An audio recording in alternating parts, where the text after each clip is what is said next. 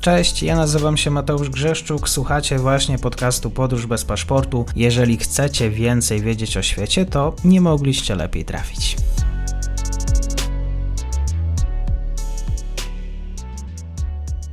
Dzień dobry wszystkim słuchaczom. Dzisiaj jesteśmy w tematach francuskich. Moim gościem jest Kasper Kita z portalu Nowy Ład, znawca Francji. Dzień dobry. Dzień dobry Mateuszu, dzień dobry Państwu, dziękuję za zaproszenie. Całkiem niedawno rozmawialiśmy o wyborach prezydenckich, a tutaj już wybory parlamentarne we Francji, wybory, które są zaplanowane na czerwiec. Jeszcze tak słowem wyjaśnienie, jak wygląda ten francuski system wyborczy i parlamentarny? E, system wyborczy i parlamentarny wygląda tak, że mamy, mamy teraz wybory do Gromadzenia Narodowego, czyli francuskiego odpowiednika Sejmu. Mamy tam 577 posłów, których każdy jest wybierany w jednomandatowym okręgu wyborczym. Ten system e, i ten system jest specyficzny, ponieważ jest to JOW, ale również jest to JOW dwuturowy i co więcej jest to JOW dwuturowy, w którym do drugiej tury przechodzą, przechodzi nie tylko jak w prezydenckich dwoje kandydatów z najlepszym wynikiem, ale teoretycznie wszyscy kandydaci, którzy otrzymają przynajmniej 12,5% zarejestrowanych wyborców w danym okręgu, więc system dość specyficzny, system, który ma na celu generalnie de facto obecnie, kiedy wybory parlamentarne są tuż po prezydenckich, i prezydent i Zgromadzenie Narodowe mają po 5 lat kadencji, więc tak naprawdę funkcją tych wyborów jest zapewnienie e, większości prezydentowi. E, no i funkcją tych wyborów, funkcją ordynacji wyborczej jest unikanie nadmiernej reprezentacji ugrupowań zbyt skrajnych, radykalnych, generalnie wzmacnianie centrum, na czym oczywiście Emmanuel Macron będzie się starał skorzystać. I kto jest dzisiaj w tym wyborczym wyścigu na peletonie? Kto, kto, jak, na co wskazują sondaże? Sondaże wskazują na to, że Macron e, jest faworytem do tego, żeby znów pozyskać większość. Macron ustawił się bardzo chytrze w takiej sytuacji, że co prawda poparcie dla niego wynosi tylko dwadzieścia kilka procent w pierwszej turze, dla niego jako prezydenta, czy dla jego e, partii, jego koalicji wyborczej, ale w tych drugich turach e, będzie miał naprzeciwko siebie albo kandydatów lewicy i tutaj będzie dla prawicy mniejszym złem, albo będzie miał kandydatów prawicy i tutaj znów będzie mniejszym złem dla lewicy. E, więc w ten prosty, ale bardzo szczwany sposób Macron ustawia się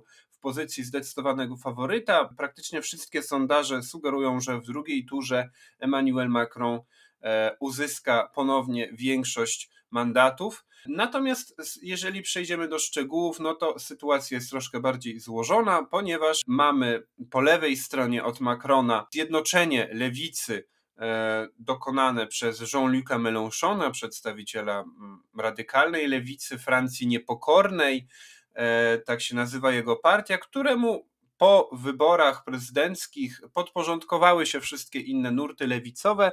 Tak naprawdę Mélenchon z Macronem e, dokonali rozbioru centrolewicy partii socjalistycznej, która rządziła przecież Francją bardzo długo, która była jedną z tych dwóch głównych sił politycznych we Francji bardzo długo, no ale teraz socjaliści zeszli na poziom poparcia 1-1,5% mm, i E, również inne nurty lewicowe e, podporządkowały się, uznały przywództwo Mélenchona, więc tej wielkiej Union Populaire, e, dokładnie, dokładnie nowej Unii Ludowej, socjalnej i ekologicznej, mamy aż mamy wszystkie nurty lewicy francuskiej, melanchonistów najsilniejszych, ale także socjalistów, ale także zielonych i także komunistów, więc wszystkie liczące się nurty.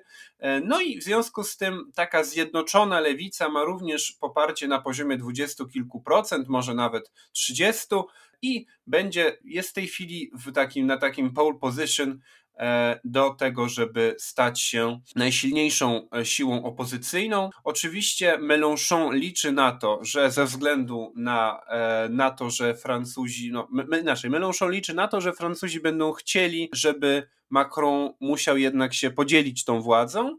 No i liczy na to, że podział, który jest na prawicy, która, i, która tutaj wystawia wiele różnych list, do czego pewnie przejdę, przejdziemy za chwilę, sprawi, że to on będzie mógł zostać premierem, ponieważ Mélenchon liczy na to, że Macron większości dla siebie jednak nie uzyska. No i z takim programem e, koabitacji, z takim programem wymuszenia na Macronie koalicji z lewicą idzie do wyborów e, Jean-Luc Mélenchon i ta mm, ludowo-ekologiczno-socjalistyczna Unia której przewodzi pod hasłem premier Mélenchon. Zresztą pod tym hasłem również Mélenchon dał do zrozumienia, żeby w drugiej turze wyborów prezydenckich, które były kilka tygodni temu, głosować, jeśli już, to na Macrona, ponieważ na Macronie dałoby się wymusić taką koabitację, gdyby lewica e, uzyskała odpowiednio dobry wynik do Zgromadzenia Narodowego. Mhm, no właśnie miałem zapytać, czy właściwie tutaj e, kandydaci, kontrkandydaci e, Macrona pozbierali się po tym wyścigu prezydenckim. E, jak właściwie dzisiaj atmosfera w sztabach wyborczych? Pytanie też, jakie tematy na, na, na agendzie, jeżeli chodzi o francuską politykę? Generalnie wybory prezydenckie pokazały, że we Francji mamy, mamy trzy obozy, takie, które są mniej więcej równoliczne między pod 30, pod 30 może 35% mamy e, upraszczając taki obóz prawicowo-narodowy, w którym oczywiście najsilniejszą postacią jest Marine Le Pen. Mamy obóz centrowy, w którym e, zdominowanym przez Emmanuela Macrona, no i mamy ten obóz lewicowy, również przy silnym, który zbiera wszystkie te nurty lewicy, no i również cieszy się bardzo wysokim poparciem wśród muzułmanów, e, których aż 70% na Jean-Luc'a Mélenchona zagłosowało. E, w tej sytuacji oczywiście kluczowe są układy już wewnętrzne, ponieważ no, gdyby było jak w Polsce, że każdy, że mamy ordynację proporcjonalną, po prostu każdy wystawia swoją listę i dostaje proporcjonalnie tyle mandatów poselskich. Tutaj jest to dużo bardziej skomplikowane, więc liczą się oczywiście układy wewnętrzne. No i Macron bardzo skutecznie tutaj zbiera centrum, e, zżera jednocześnie, podbiera e, polityków, działaczy i wyborców zarówno centroprawicy, jak i centrolewicy, starając się tutaj zachować pewną równowagę, chociaż sukcesywnie w perspektywie pięciu lat przesunął się na prawo, ale teraz ze względu na zjednoczenie lewicy z kolei dobrał sobie panią premier pochodzącą z centrolewicy, więc Macron tutaj stara się tę równowagę w centrum budować, no i stara się przedstawiać jako jedyna zapora właśnie przed radykalizmem z jednej strony tak zwanej skrajnej prawicy, e, z drugiej strony przed czymś, co również y, ludzie z jego obozu nazywają czasem e, tak dość pod publiczkę islamolewactwem, czyli właśnie sojuszem radykalnej lewicy i e, muzułmanów. W interesie Macrona oczywistym jest to, żeby nie było tych ugrupowań umiarkowanych centroprawicy, centrolewicy, tylko właśnie, żeby był tylko on albo kandydaci, politycy, których można przedstawiać jako e, ekstremiści, straszni radykałowie. Na tym się opiera generalnie mm, projekt Macrona. No i w tym momencie, ponieważ lewica się zjednoczyła, a prawica nie, no to Macron znów trochę na lewą nóżkę, bardzo dużo mówi o ekologii, e, mówi o Unii Europejskiej i stara się w ten sposób, zwłaszcza ten młodszy elektorat, pozyskać. Jeśli chodzi o te wewnętrzne układy, no to mamy generalnie tu i tu dwa podstawowe warunki zjednoczenia. Jeden warunek to jest to, żeby był jakiś lider, a po drugie, żeby była chęć współpracy i takiego, no, ta, ta, takiego no, przetrwania, zdolności dogadania się, podzielenia tymi okręgami, no mamy, mamy prawie 600 okręgów, jakoś się trzeba tym uczciwie podzielić.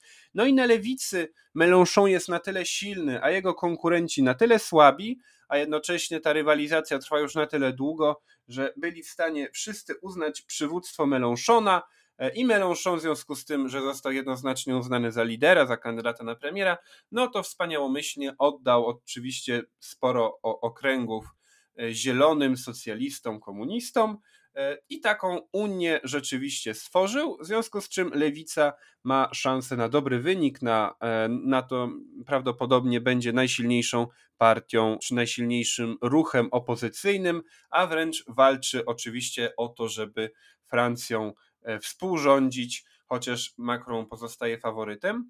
Natomiast na prawicy sytuacja jest dużo bardziej złożona, ponieważ mamy e, te trzy nurty prawicy, gdzie oczywiście Marine Le Pen w wyborach prezydenckich zdecydowanie najsilniejsza, bo dostała aż 23%, gdzie Zemur dostał 7%, a kandydatka republikanów Valerie Pécresse wręcz niecałe 5%.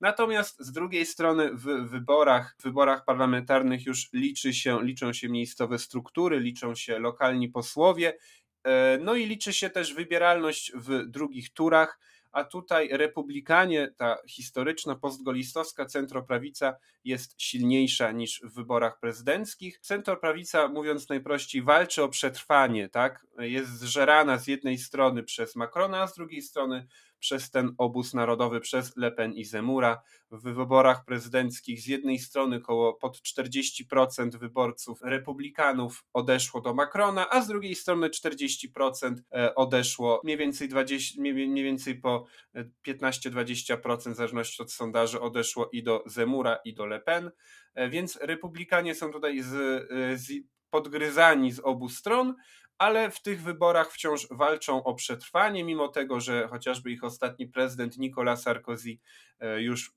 wezwał oficjalnie swoją partię do tego, żeby dołączyła do Macrona, do obozu Macrona. Sarkozy co prawda liczy tutaj e, na ułaskawienie ze strony Macrona, na to, że nie będzie musiał iść do więzienia, ale również z powodów politycznych e, ma to jest tutaj pewna logika, że tutaj musimy się wszyscy zjednoczyć przeciwko tym strasznym ekstremom. Część, część działaczy, e, polityków, duża część działaczy, polityków, republikanów też już do Macrona odeszła. No i również ta narodowa, czy też tak zwana skrajna prawica pozostaje podzielona.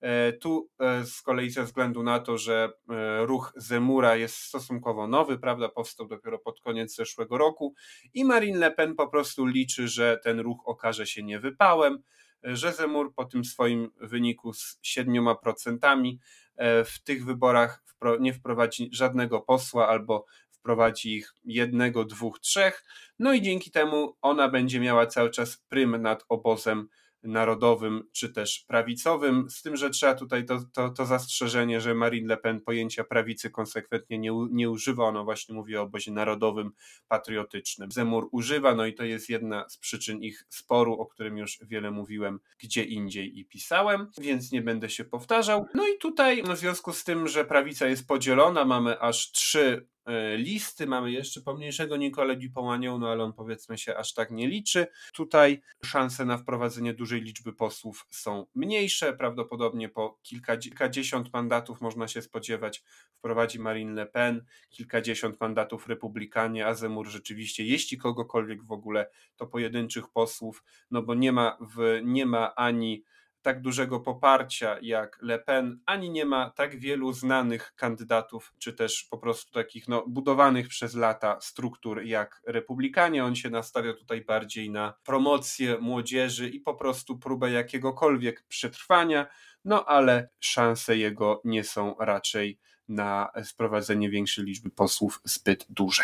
Tak jest. Dzisiaj Kasper Kita, portal Nowy Ład, y, francuska rzeczywistość polityczna i wybory parlamentarne, które przed nami. Bardzo dziękuję i do usłyszenia. Dziękuję serdecznie, do usłyszenia.